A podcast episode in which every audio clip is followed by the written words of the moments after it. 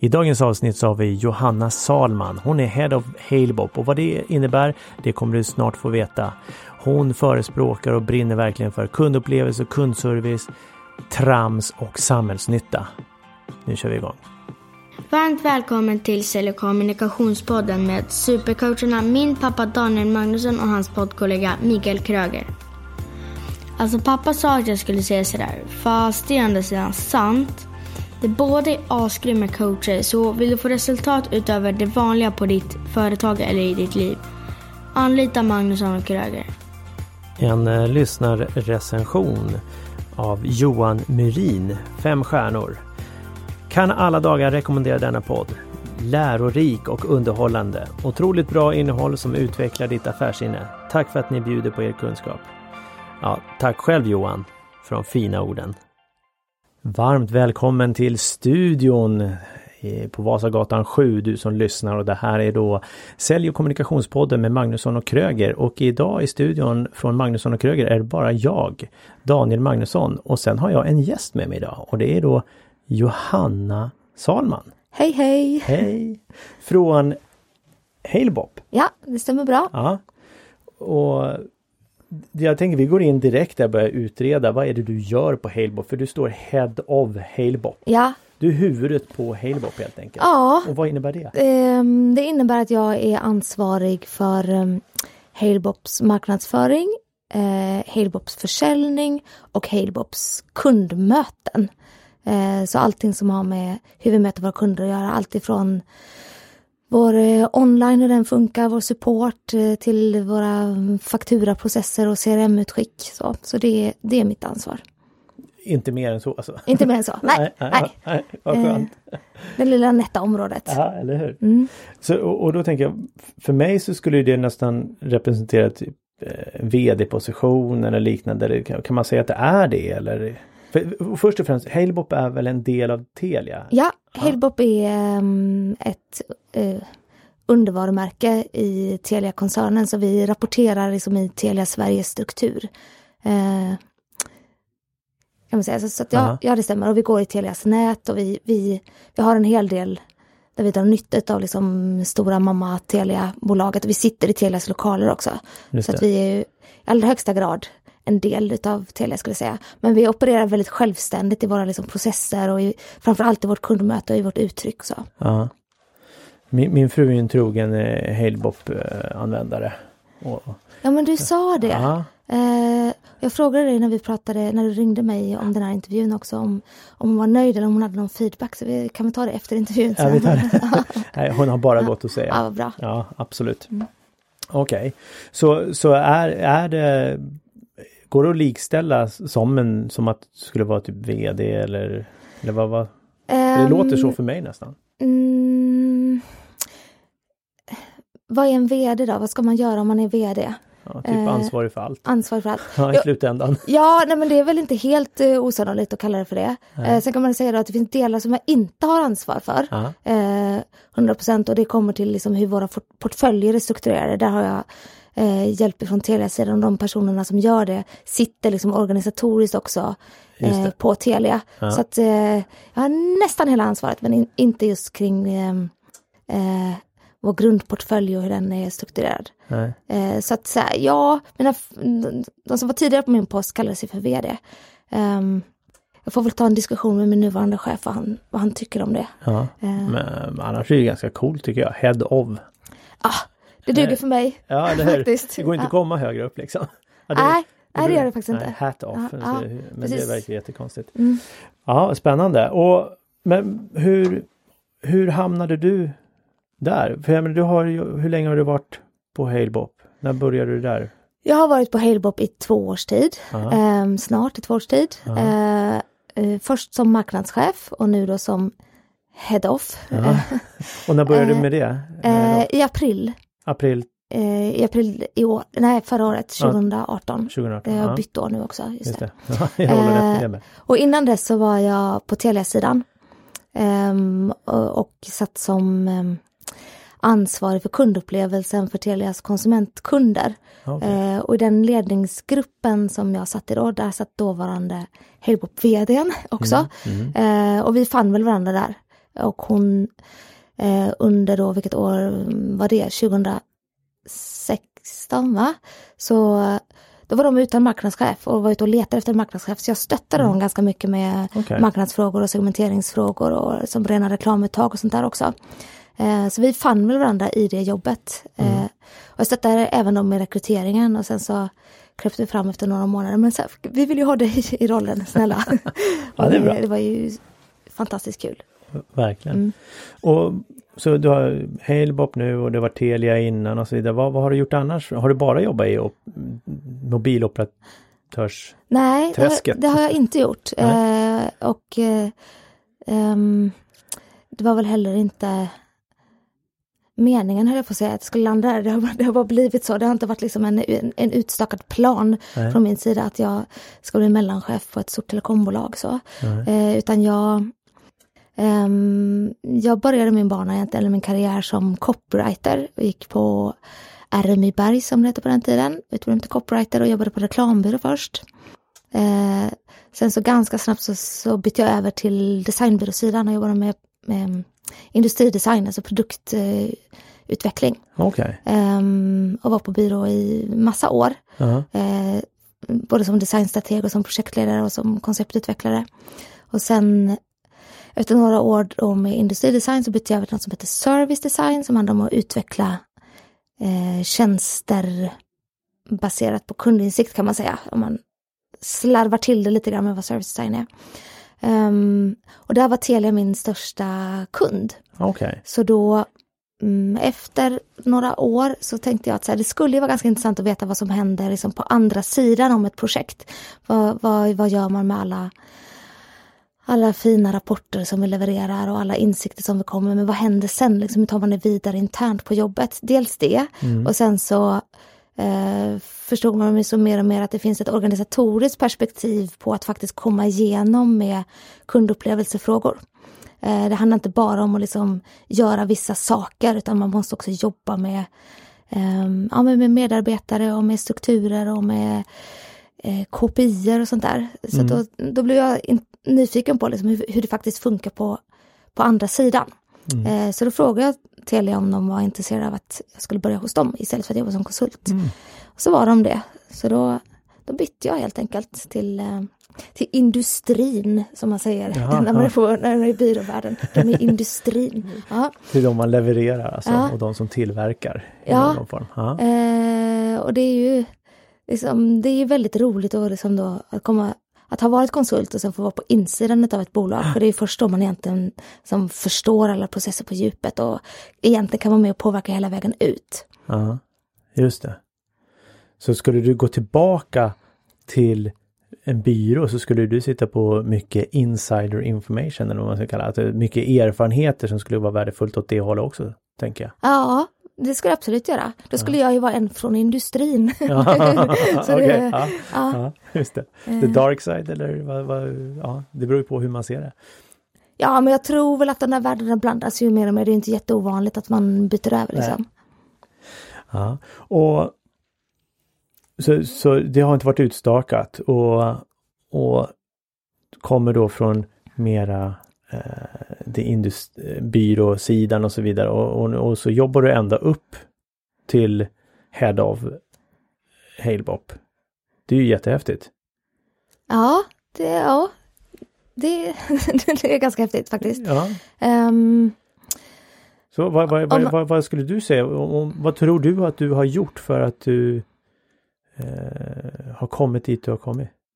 Ja men jag tänker lite grann att det är um, eh, Ja men det, ibland är det en del så här framgångsstories så kanske man glömmer bort tur och slumpperspektivet faktiskt. Så det tror jag, det, det har säkert någonting med saken att göra. Mm. Men sen handlar det såklart om att när jag kom in då med en ganska gedigen kunskap om faktiskt Telias kunder och satt på väldigt mycket kundinsikter mm. och dessutom på väldigt mycket liksom bagage kring processer och hur man jobbar med den typen av frågor. Så kommer det liksom en helt annan kompetens än vad som redan fanns på bolaget. Okay. Så det gör att man kanske inte blir en i mängden på det sättet utan man liksom bidrar med en eh, kompetensbit som inte finns. Det. Eh, så det är klart att då får man väl en del eh, uppmärksamhet och liksom se till att skapa värde genom det som man faktiskt eh, kanske är unik på i sin, i sin kunskapsbank. Så.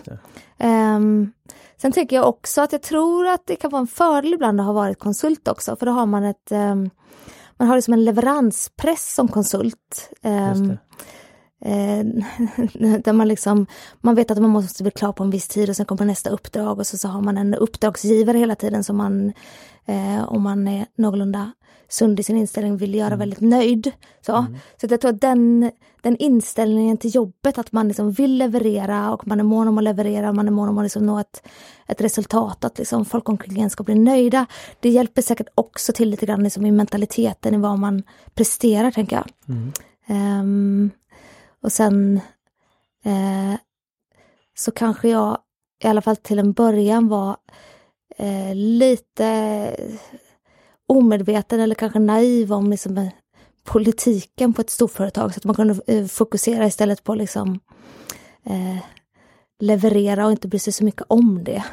Och det gör kanske också att man eh, eh har fokus på rätt grejer, tror mm. jag. Just det.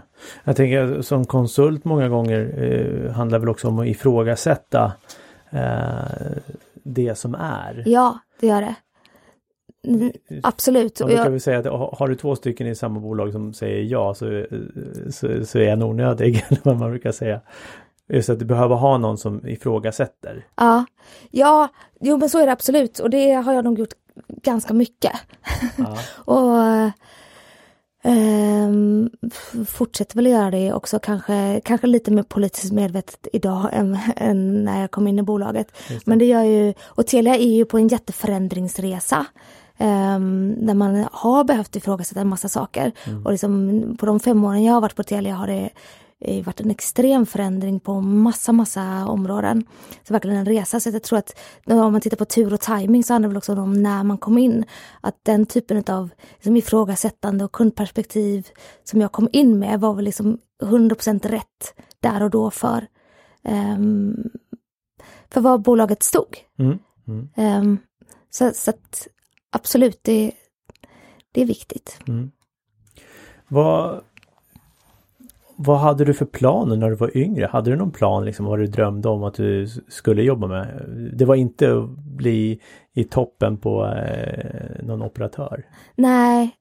Eh, jag vet, jag hade en dragning för ett gäng eh, högstadieelever någon gång. Jag ska berätta om varför man, vad man hade för drömmar när man, när man gick på högstadiet. Och då, jag, alltså, jag vet att jag tyckte att det var, när jag gick på högstadiet, tänkte jag pensionär, det verkar väldigt skönt att vara pensionär och få lyssna på radio och få dricka kaffe. Så här, det verkar vara ett skönt liv.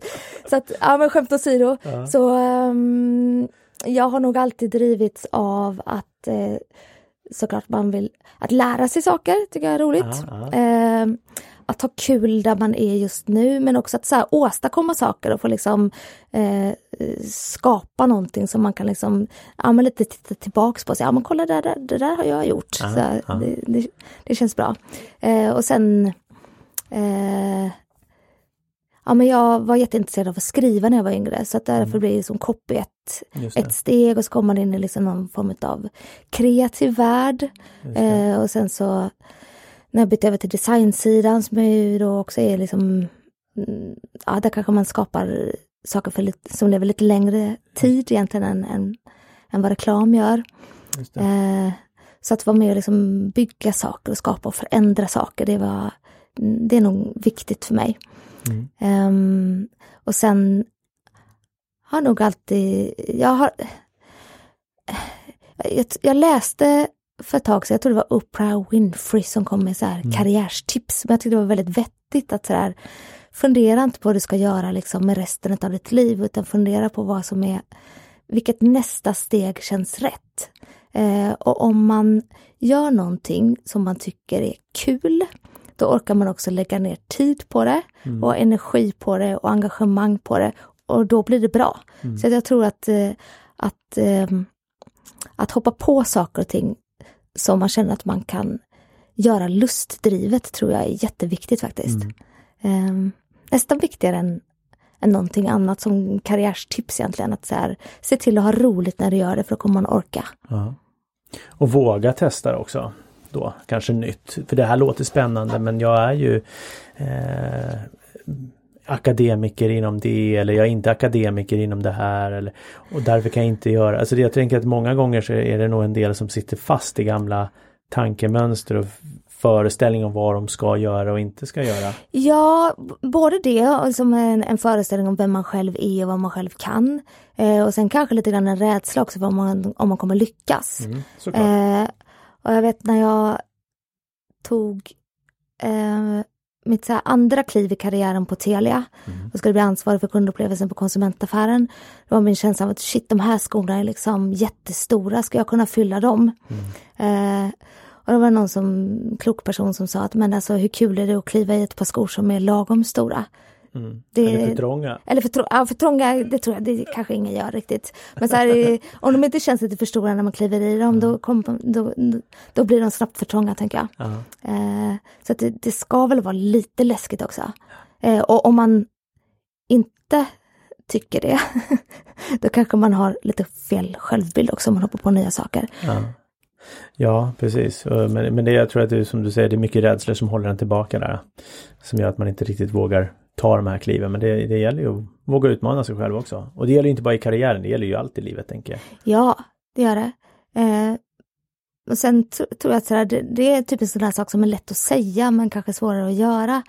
Men har man, har man gjort det några gånger så lär man sig också att det inte är så himla farligt. Mm. Faktiskt. Jag tror det handlar om att, att börja våga försöka där. Mm. Mm. Så och, och vad i jobbet då, vad är det som utmanar dig där? I dagsläget? Um... Eller kanske ständigt, jag vet inte. Du menar med... Ja, men vad, vad, om man vad, i, i, din roll, ja. vad, vad, är det, om man säger så här, vad, skulle, vad är mest utmanande för dig i din roll? Eh, jag tycker nog att det är ledarskapet som är mest utmanande faktiskt. Okay. För det är mm. någonting som man behöver öva på hela tiden. Mm. Eh, och 100 procent, eller liksom våga fokusera på också. Eh, dels för att människor är olika. Mm. Eh, och sen att man har ehm, väldigt mycket av det man gör, gör man inte bara farten utan slentrian. Så det är svårt att ändra på sina egna beteenden och sina egna vanor. Så där, där måste man liksom träna. Mm. Eh, och också liksom upprätthålla kontinuerligt. Det är svårt, det är svårt att liksom vara man kan inte vara bra ledare en vecka och sen fokuserar man på någonting annat utan det, det, det, det måste man vara eh, kontinuerligt och det känns som att det, det kan man nog aldrig bli klar med tror jag. Nej, Nej jag, jag håller med. Jag tror också just att, att att ständigt utveckla sig själv hela tiden, alltså det är det du menar i det fallet? Att... Ja. Aha. ja. Eh, och att både eh, ja, men få tid att reflektera och få hjälp att reflektera. Eh, tror jag, för att om man inte får feedback ifrån eh, sitt team så är risken att man tror att man är mycket bättre än vad man i själva verket är. Aha, Eh, eller att man eh, kanske letar efter eh, då förklaringar till vad som funkar eller inte funkar hos saker och ting som inte ligger hos en själv. Och det är ju alltid bekvämt att hitta de förklaringarna men det kanske inte mm. leder framåt så himla mycket. Um, så hur, hur hittar du tid att reflektera för dig själv då? Um, jag tror att jag ofta gör det i samband med att jag läser saker. Uh -huh. eh, antingen att man liksom slöläser grejer på Instagram eller LinkedIn eller sånt och reflekterar över det. Eller att man faktiskt läser eh, romaner eller mm, ja, andra typer av böcker och, och ger sig själv tiden att liksom reflektera under den processen. Mm. Sen är det väldigt mycket eh, samtal. Eh, mm, det finns ett ord som heter pratprocessa. Det tycker jag är väldigt bra. Att man ja, liksom, det var ett nytt ord, ja, pratprocessa. Ja, ja, så att man liksom i, ja, men i samtal med andra så kommer man ofta, det är ofta då man ser saker ja. och ting. Eh, även om samtalet handlar om, inte handlar om mig, ja. så liksom lär man sig saker under den processen. Så att ta sig tid till samtal, tror jag. Det. det. är viktigt. Ja. Så samtala med andra. Vilka personer brukar du samtala med då? Är det teamet då som du först hand pratar med? Ja men framförallt med teamet såklart. Mm. Um, ja men även med vänner och gamla kollegor och sådär. Men teamet främst. Mest för att de oftast är tillgängliga på dagtid om jag behöver prata med någon. Aha, aha. Och vad, vad, var det, vad var det du kallade det? Prat, Pratprocessa. Pratprocessa, mm. Just det, brukar prata om abrakadabra. Va, vad är det? det? Ja, du har hört ibland säkert när man pratar trollkarlar och så jo, vidare. Ja. Men det här kommer ifrån, eh, oh, nu kommer jag inte ihåg, typ hebreiskan, gammal ja. hebreiskan och liknande. Och det betyder ju då eh, översatt till engelska I create as I speak. Ah, jag okay. skapar som jag, ah. samtidigt som jag pratar. Ah. Eller när jag pratar. Ja. Och det är ju pratprocessar, det är samma sak igen. Att vi processar saker och, och, vi kommer på saker när vi pratar med varandra också många gånger. Ja men dels det, sen tänker jag att ibland behöver man formulera saker för sig själv bara mm. för att liksom förstå dem. Och det är inte förrän man gör det som, som det blir så här, just det, det är ju det här som det egentligen betyder. Mm. Plus att rätt ofta har man ju eh, inte rätt själv i det Nej. man har tänkt. Nej. Så att få någon annans perspektiv på det är ju guld. Mm. Verkligen. Och många gånger så är ju munnen snabbare än hjärnan ibland. Ja. så, så, oh, vad sa jag? Och väldigt Aha. mycket så i mitt fall faktiskt, ja. om jag ska vara helt ärlig. I mitt med. Fast jag har hört att människor som pratar fort också tänker fort. Ja. Eh, och det, det, tar jag som en tröst ibland. Ja, jag med. Jag med. Ja, det är bra. Du, eh, ni vann ju ett pris i slutet av november var det va? Ja. 2018. Mm. 100 fattaren. Ja, det stämmer bra. Vad, vad, kan, vad kan du berätta om det priset? Vad, vad innebär det? Um, det finns en tävling som heter 100-wattaren som är en reklamtävling som heter Effektiv reklam. I år hade de instiftat ett nytt pris som de kallar för 100-fattaren. Och då går det till ett företag som eh, belönas för eh, inkluderande och ansvarstagande kommunikation. Um, det var ett gäng elever på Bergs som hade liksom tyckt att, de hade egentligen fått i uppgift eh, kring hur man kan jobba med liksom hat på sociala medier och då blev det deras svar på den briefen att säga, ja, men ett, vi borde nog uppmuntra branschen att liksom jobba mer ansvarstagande. Uh, för det är ändå vi som annonsörer som någonstans sitter på makten och pengarna i vad som i slutändan kommer ut i kommunikation. Um, och då fick vi det priset. Ja. Det var jätte eh, jättefint pris måste jag säga. Ja. Dels var det väldigt roligt att, att bli den som första utvalda. Mm, så. Verkligen. Eh, sen var det konkurrens med Ikea och McDonalds tror jag det var. Det. Så det kändes ju som det var extremt stora, tunga varumärken eh, som vi eh, tävlar emot. Ja. Um, och sen personligen tycker jag då att frågan kring att ta ansvar med det man gör som annonsör, och så mitt första uppdrag är såklart att se till att få effekt för företaget med de pengarna vi har. Men mitt andra uppdrag är också att se till att de pengarna jag spenderar, att jag spenderar dem på ett vettigt sätt. Så att, att, att, se sig själv som företag också som en samhällsaktör faktiskt. Eh, så att man inte tänker att samhällsfrågor får liksom eh, politikerna sysslar med och så sysslar vi i bolag med någonting annat. Utan nej, vi är också en del av, vi skapar samhället precis lika mycket som alla andra. Mm vi alla människor har ju en, en, en, avgörande roll i någon form tänker jag i vårt samhälle. För jag menar, vi ingår i samhället allihopa oavsett ja. om vi är individer eller företag. Ja absolut och som, som företag som, och som annonsör så sitter man på ganska mycket pengar. Man formar mm. ju liksom de bilder och sånt som syns runt omkring oss. Eh, så att vi har ju också vi har ju liksom mer medel att investera klokt än vad man har som privatperson om man ska vara krass. Ja. Um, så att jag tycker att det, det, det, det, är jätteviktigt för mig att liksom vi tänker så kring de medel vi har. Att så här, vi ska använda dem klokt och vi ska ja. använda den makten vi har med, liksom, eh, med omsorg. jättebra. Grattis! Ja men tack! Ja. Tack! Och, och, vad var det de fastnade för då som ni gjorde? Mm, ja men dels tror jag att vi har jobbat ganska länge med eh, det vi kallar för vår schysthetsstory. Mm. Eh, att man ska vara schysst på nätet började väl någonstans. Mm. Um, och då visat upp olika typer av människor och olika typer utav eh, eh, personer och situationer som, mm, i, i, den, i de marknadsuttag som vi gör. Mm. Som där vi har haft med allt från ja men vi, vi har en liksom, vi visar inte bara upp vita smala kvinnor som yogar på en strand och så, så utan vi visar upp samhället li, kanske lite mer som det ser ut. Så. Mm, mm. Eh, som gör ju såklart att fler personer än vit svensk medelklass kanske känner igen sig i det som syns. Just. Eh, sen jobbar vi ganska mycket internt också med liksom, våra värderingar och eh, ja, men en medvetenhet kring eh, ja, men internethat och rasism och sexism sådär. Ja. Eh, så att jag, jag, tror att det att vi har en intern medvetenhet också om mm, i, i teamet gjorde nog också att de tyckte att vi var en värdig vinnare, att det inte bara är någonting som, som klistras på på sista centimetern utan att det går igenom allt vi gör egentligen. Just det. Eh, och sen eh, i den mån vi kan, där kan vi säkert bli betydligt bättre än vad vi är idag, så jobbar vi också med eh, ja, men fundera på hur vi investerar liksom våra mediepengar. Mm. Eh, där gjorde vi nu i höstas till exempel så jag vet inte om du känner till tidningen Offside.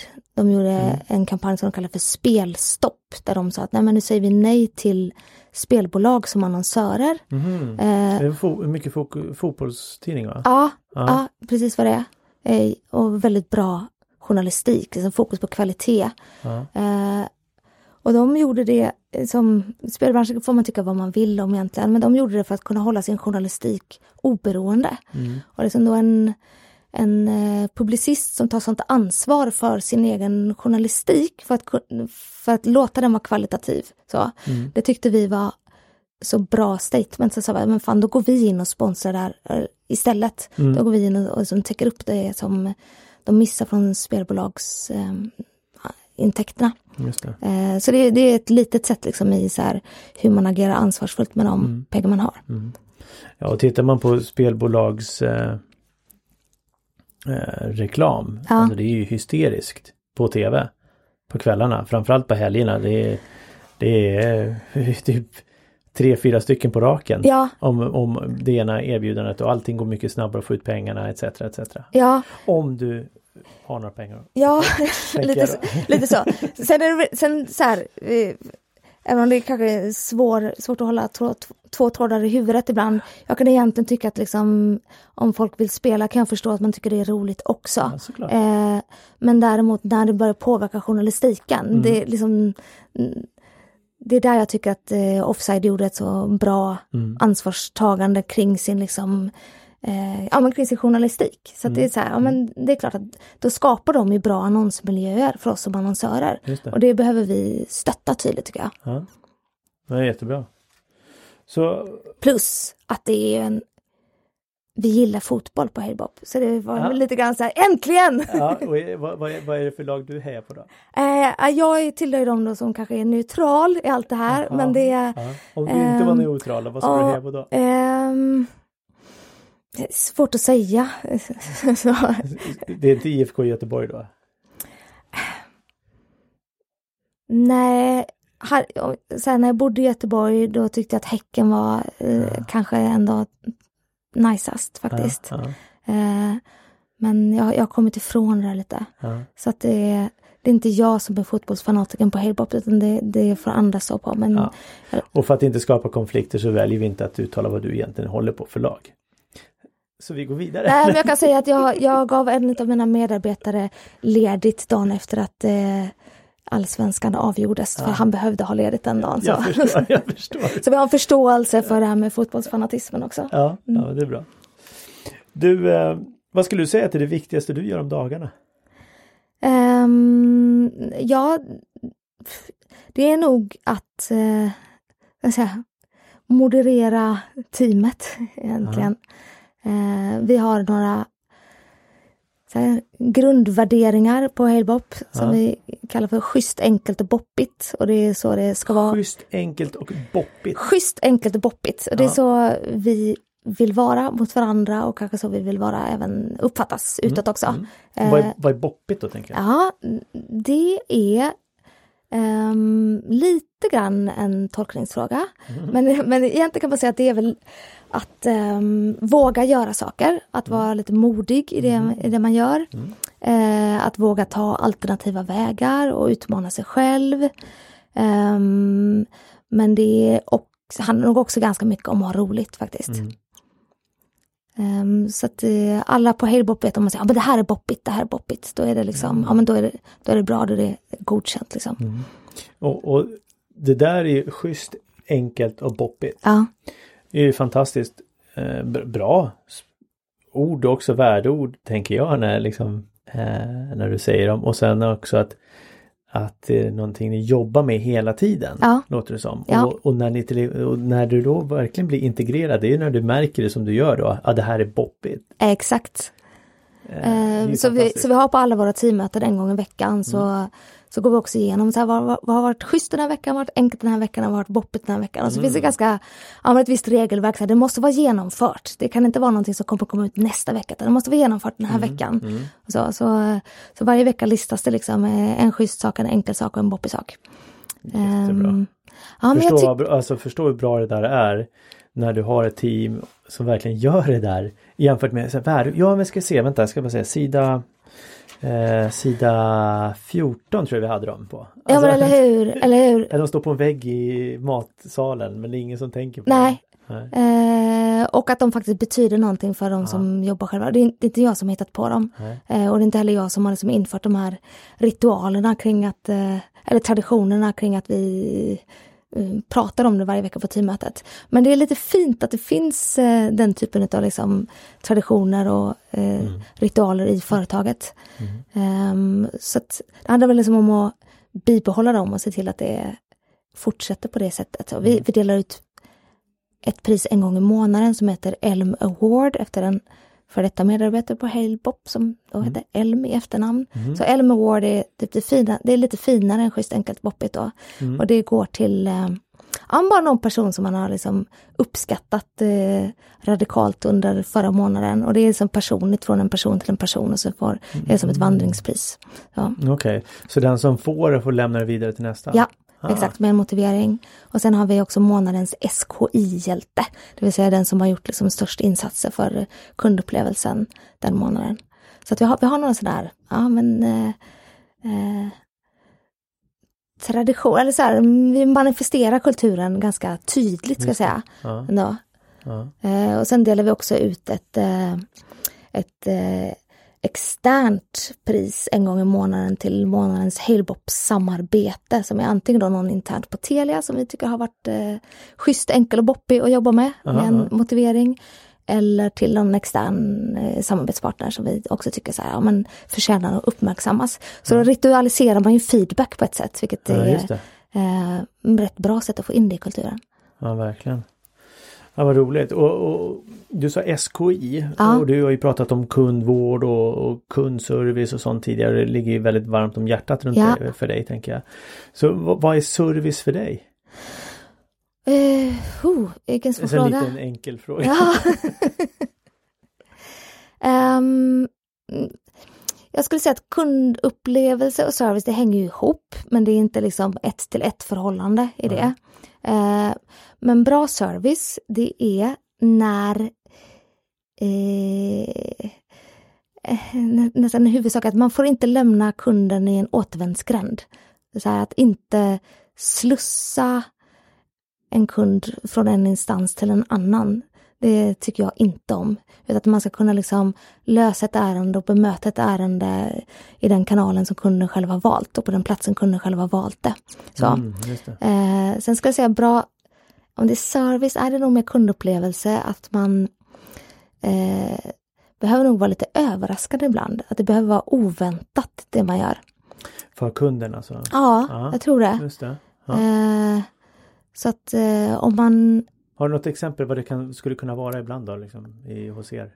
Eh, ja men vår kundtjänst har eh, de har mandat att dela ut så här presentkort på bullar tror jag det är, eller om det är glassar. Så här, efter, eh, efter samtal om de, antingen om det är någon som har eh, ja, men inte haft det så bra som kund hos oss, så, så här, ja, men då kan man få en bulle eller en fika. Jag tror vi, vi har skickat ut det till kunder ibland lite random också, att så här, alla behöver en fika någon gång ibland eller något sånt. Um, och det, det blir ju ändå överraskande. Och stärker ju upplevelsen och eh, till det positiva. Ja. Får vi ju verkligen hoppas. Eh, ja, jag är ju glutenallergiker och så har jag bullar. Ja, det finns ju de också då. Men... Ja, men de flesta är faktiskt inte sådana. Nej. Nej, eller att man ibland eh, liksom vår kundtjänst svarar på de allra flesta inlägg som kommer i sociala medier och sådär. Ja.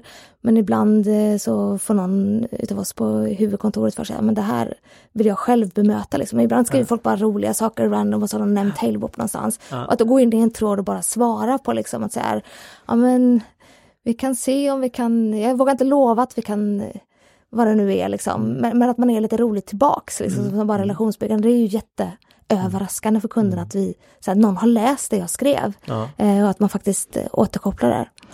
Ja, ehm. verkligen.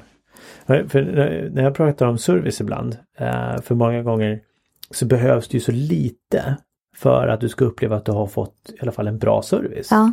Om man tittar att man går in i en, i en restaurang eller man går in i en butik eller liknande. Och, det, och det, är flera andra som pratar om det här också. Man brukar få ett leende direkt, ja. en ögonkontakt och en nickning och det blir ju lön om man tar LÖN. Mm.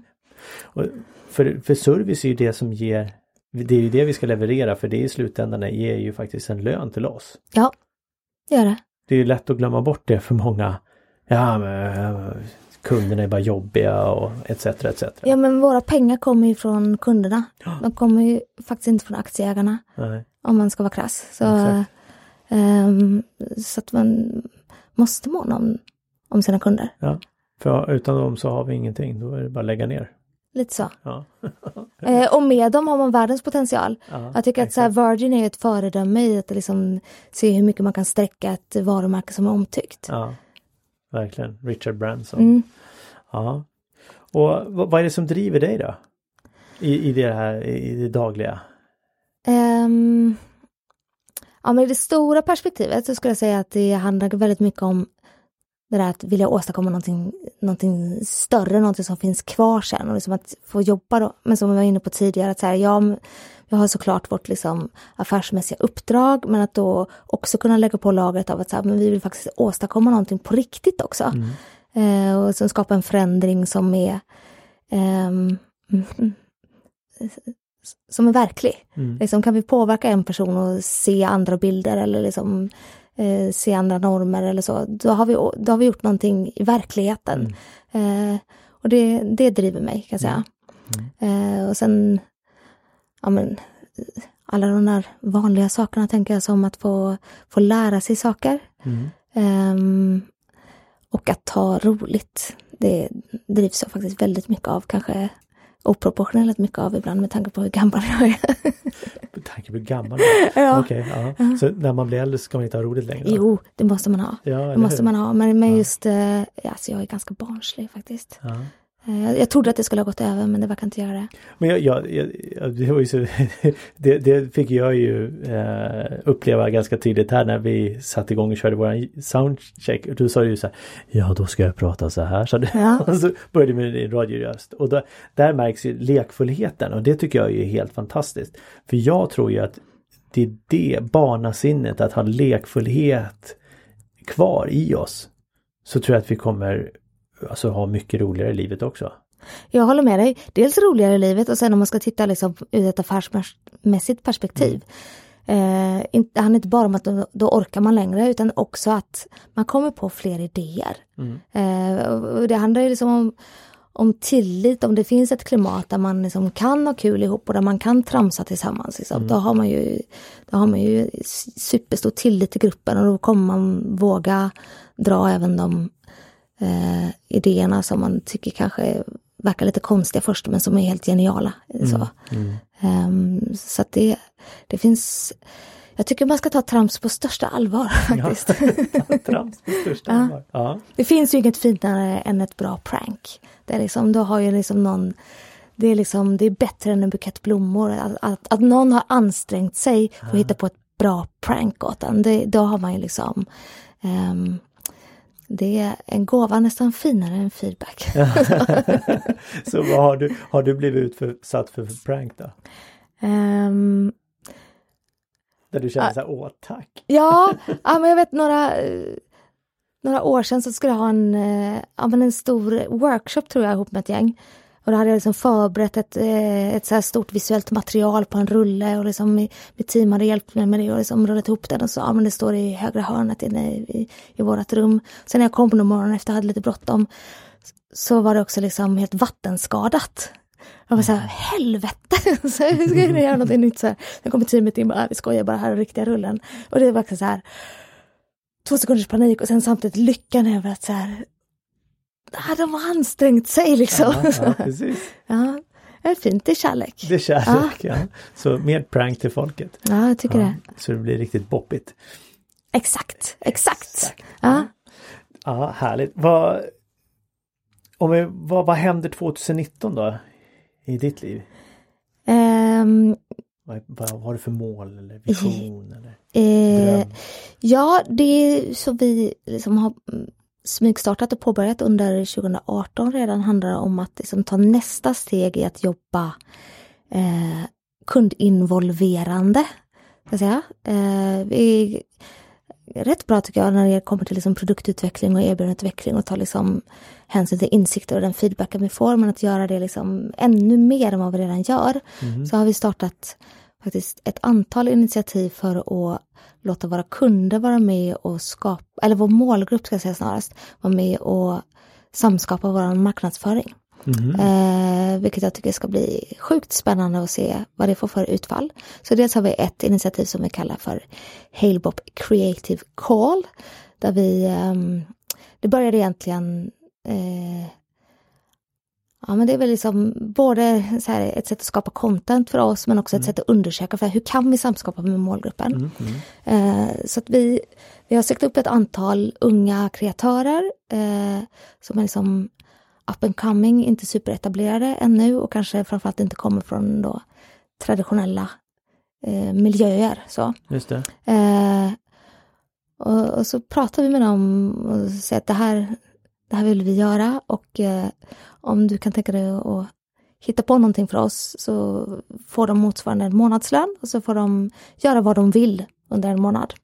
Eh, och så utbyte då så får vi liksom publicera deras eh, eh, process eller deras eh, färdiga produkt eller vad det nu handlar om eh, i våra kanaler. Så vi får liksom del, dels deras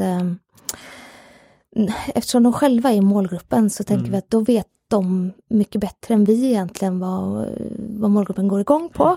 Mm. Eh, och sen så eh, istället för att vi går till en byrå och säger att ja, men nu har ni den här briefen och så får ni en månad och så kan ni tänka ut vad ni tror att målgruppen vill ha, så går vi direkt till dem och så mm. säger vi att eh, varsågod och gör.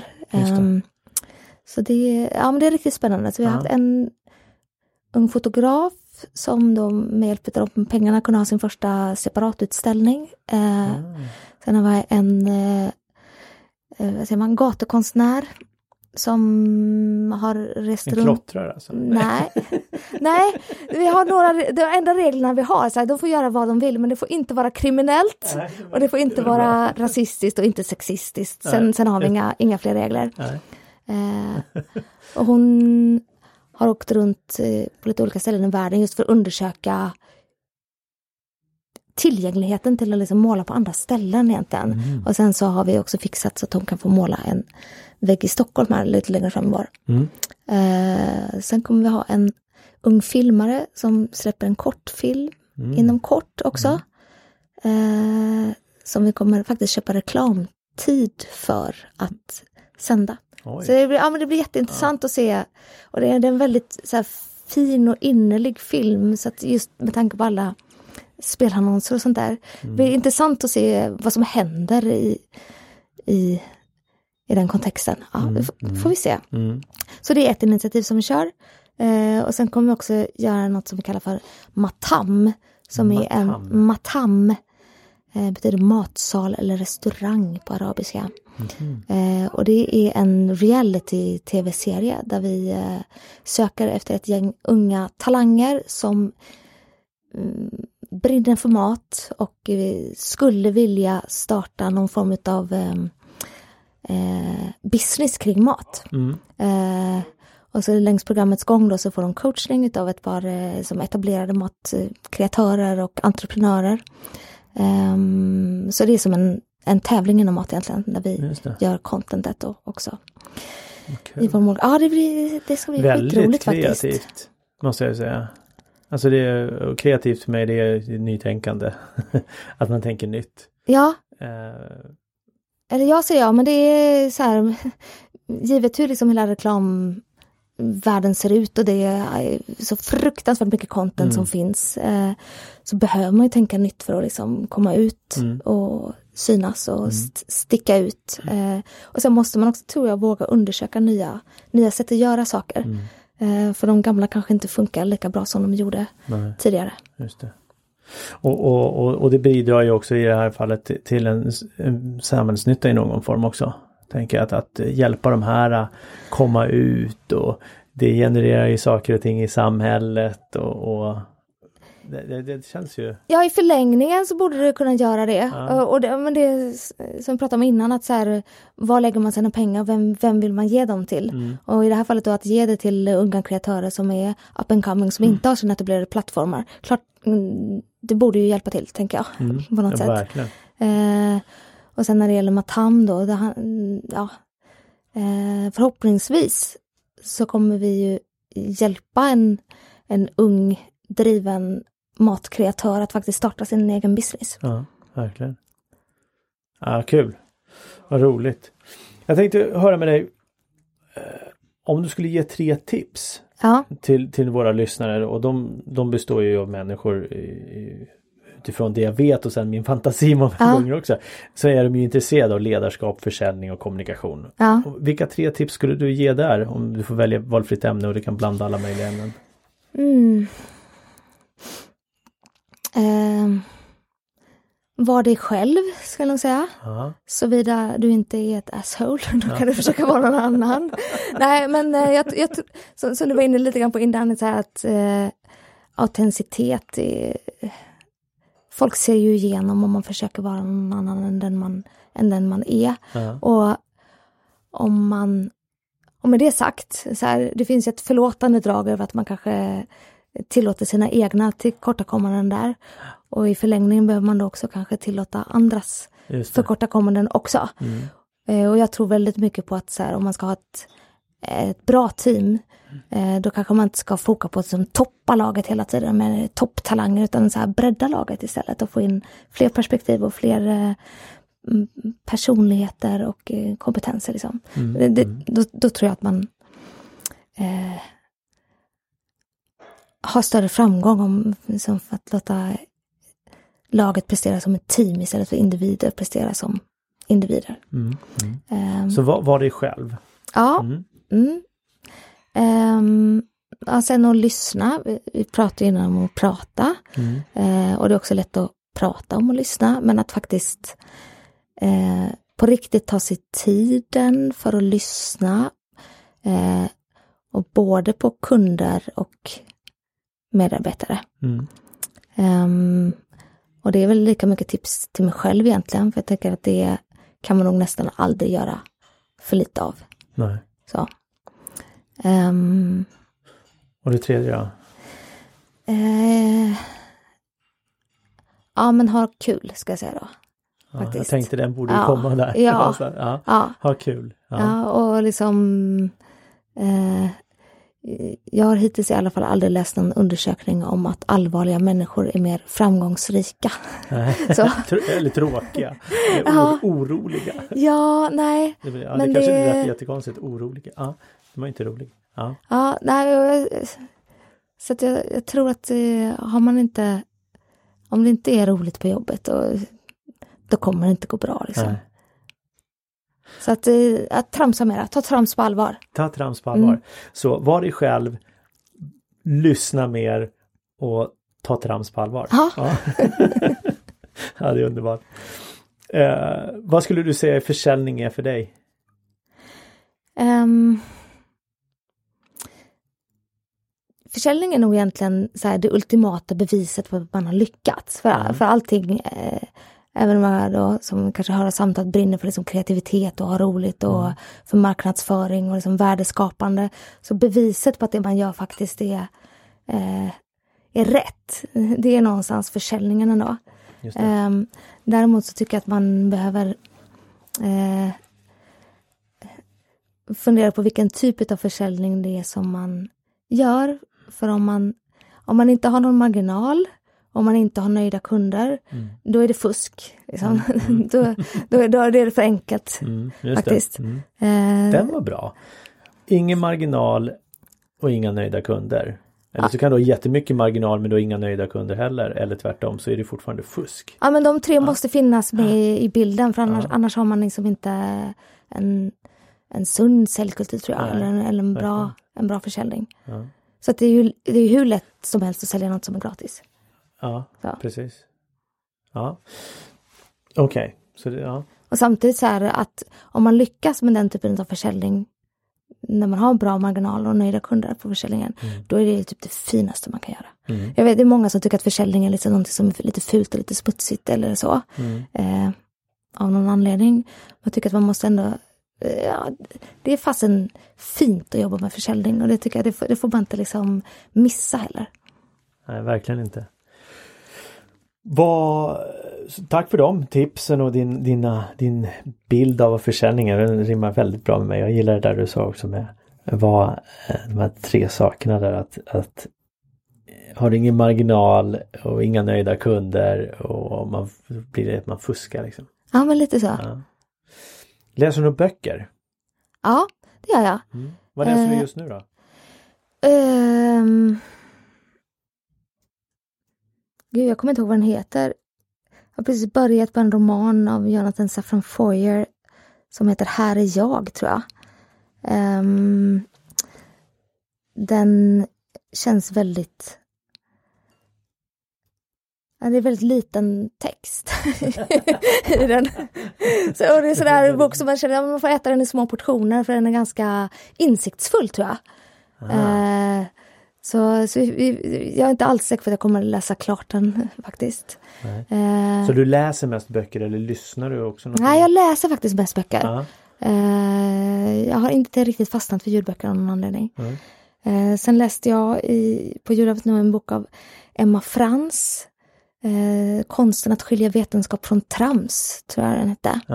Eh, den tyckte jag var, ja men den, den bra. Så här, alla borde läsa den egentligen. Just ja. för att det finns så mycket fake news och eh, fakta och åsikter. Och så, så att hon, hon redde ut ganska mycket i så här, vad är egentligen eh, när kan man säga att någonting är sant och vad kan man tro på, vad kan man inte tro på och hur Just kan det. man förhålla sig till det.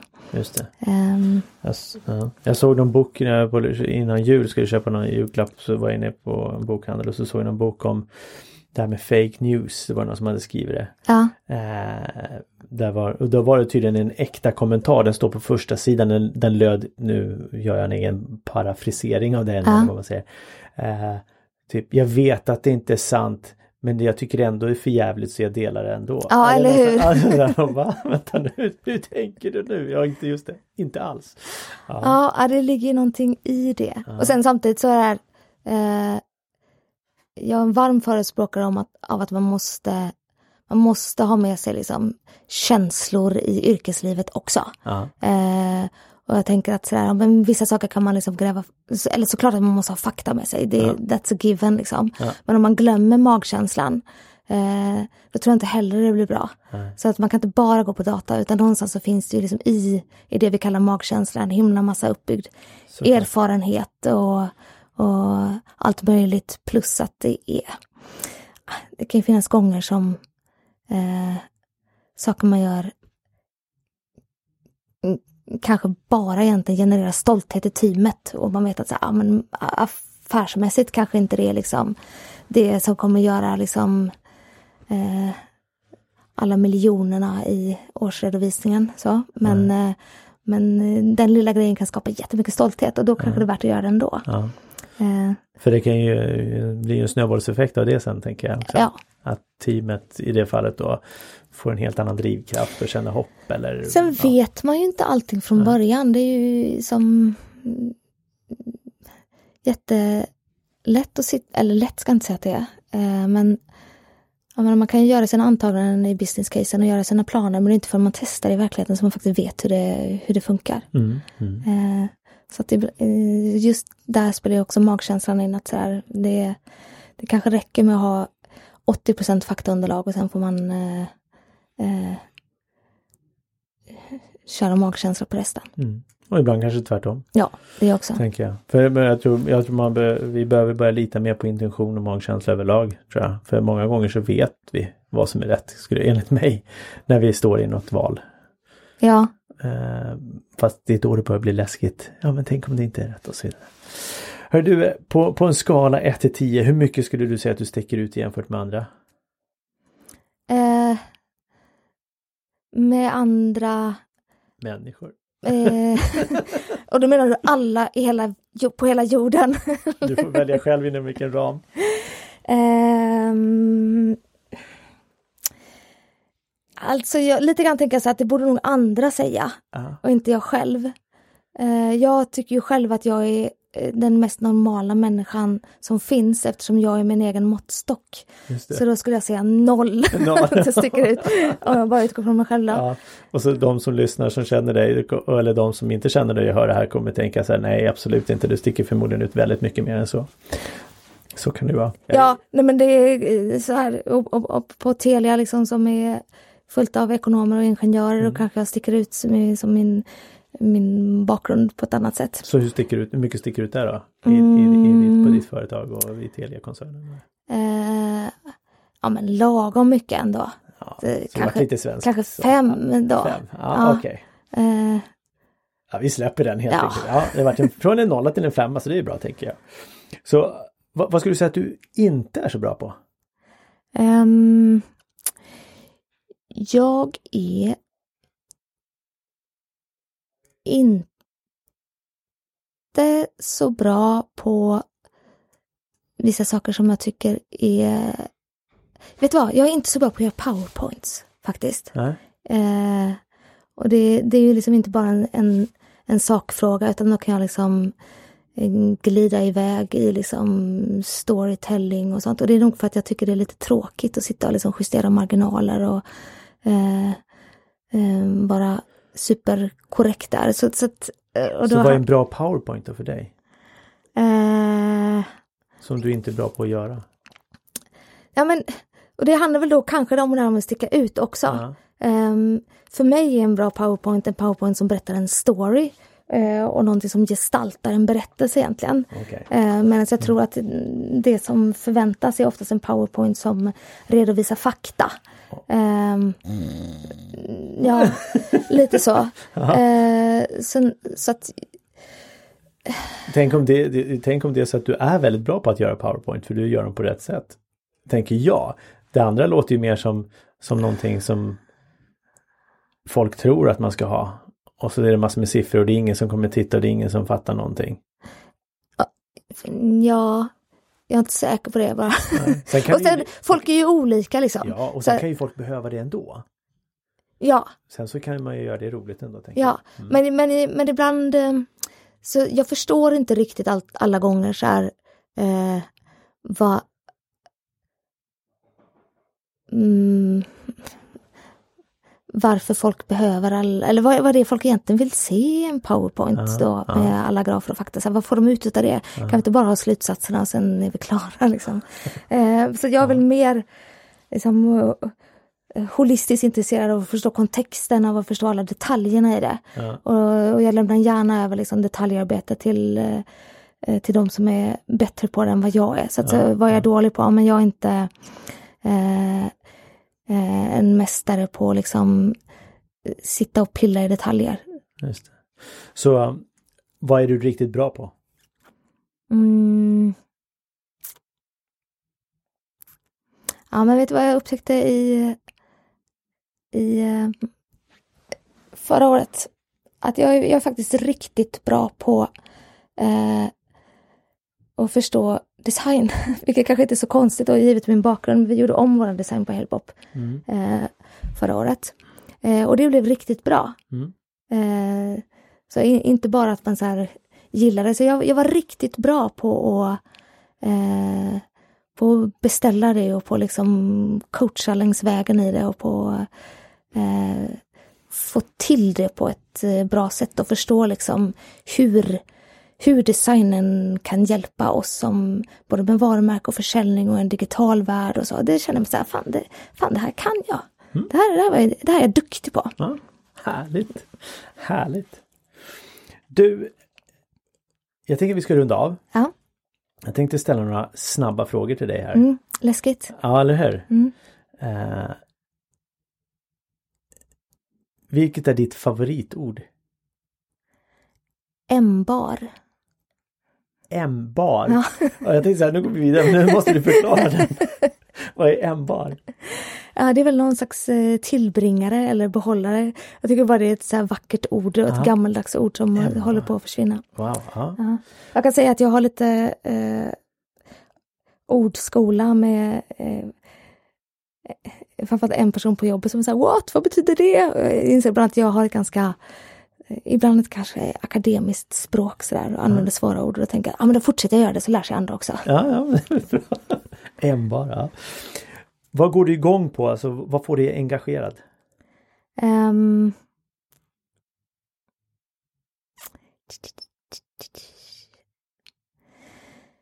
Eh, väldigt mycket faktiskt. Eh... Vad är det första som dyker upp då? Mm.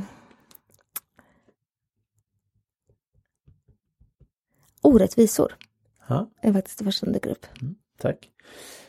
Vilket ljud eller oväsen älskar du? Eh, hårfön.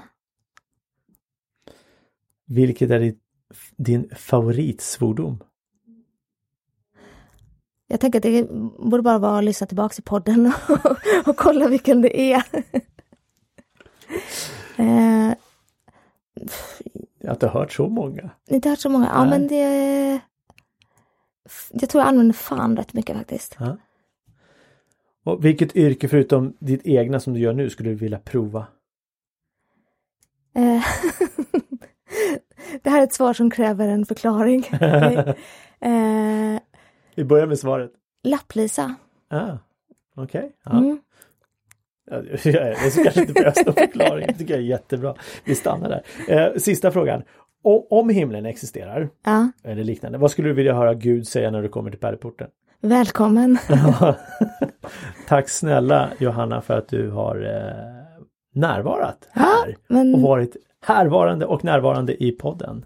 Tack för att jag fick komma hit. Ja. Eh, Johanna, om eh, någon skulle vilja komma i kontakt med dig, hur ska de komma i kontakt med dig? Eh, då kan de antingen skriva på LinkedIn ja. eller så kan man väl dra iväg ett mejl kanske. Ja. Eh, och då är det johanna.salman.hailbop.se ja. och Salman S-A-H-L. S-A-H-L. Mm. M-A-N. Ja, ja, det också. Såklart. Vad bra. Mm.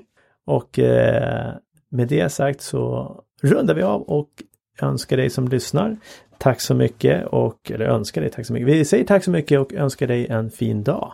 Hej så länge! Hej då! Tack snälla för att du har lyssnat på den här podcasten idag. Hjälp oss att nå ut till fler. Sätt betyg på Apple Podcaster, fem stjärnor, skriv en kommentar om varför du tycker att den här podcasten är bra. Du får gärna dela det här avsnittet med andra också som du tror skulle uppskatta det här avsnittet. Tack för att du hjälper oss hjälpa dig och andra. Du är hemskt välkommen att skicka förslag på gäster och ämnen och idéer som du vill att vi tar upp i vår podcast. Och det gör du på info magnussonkroger.se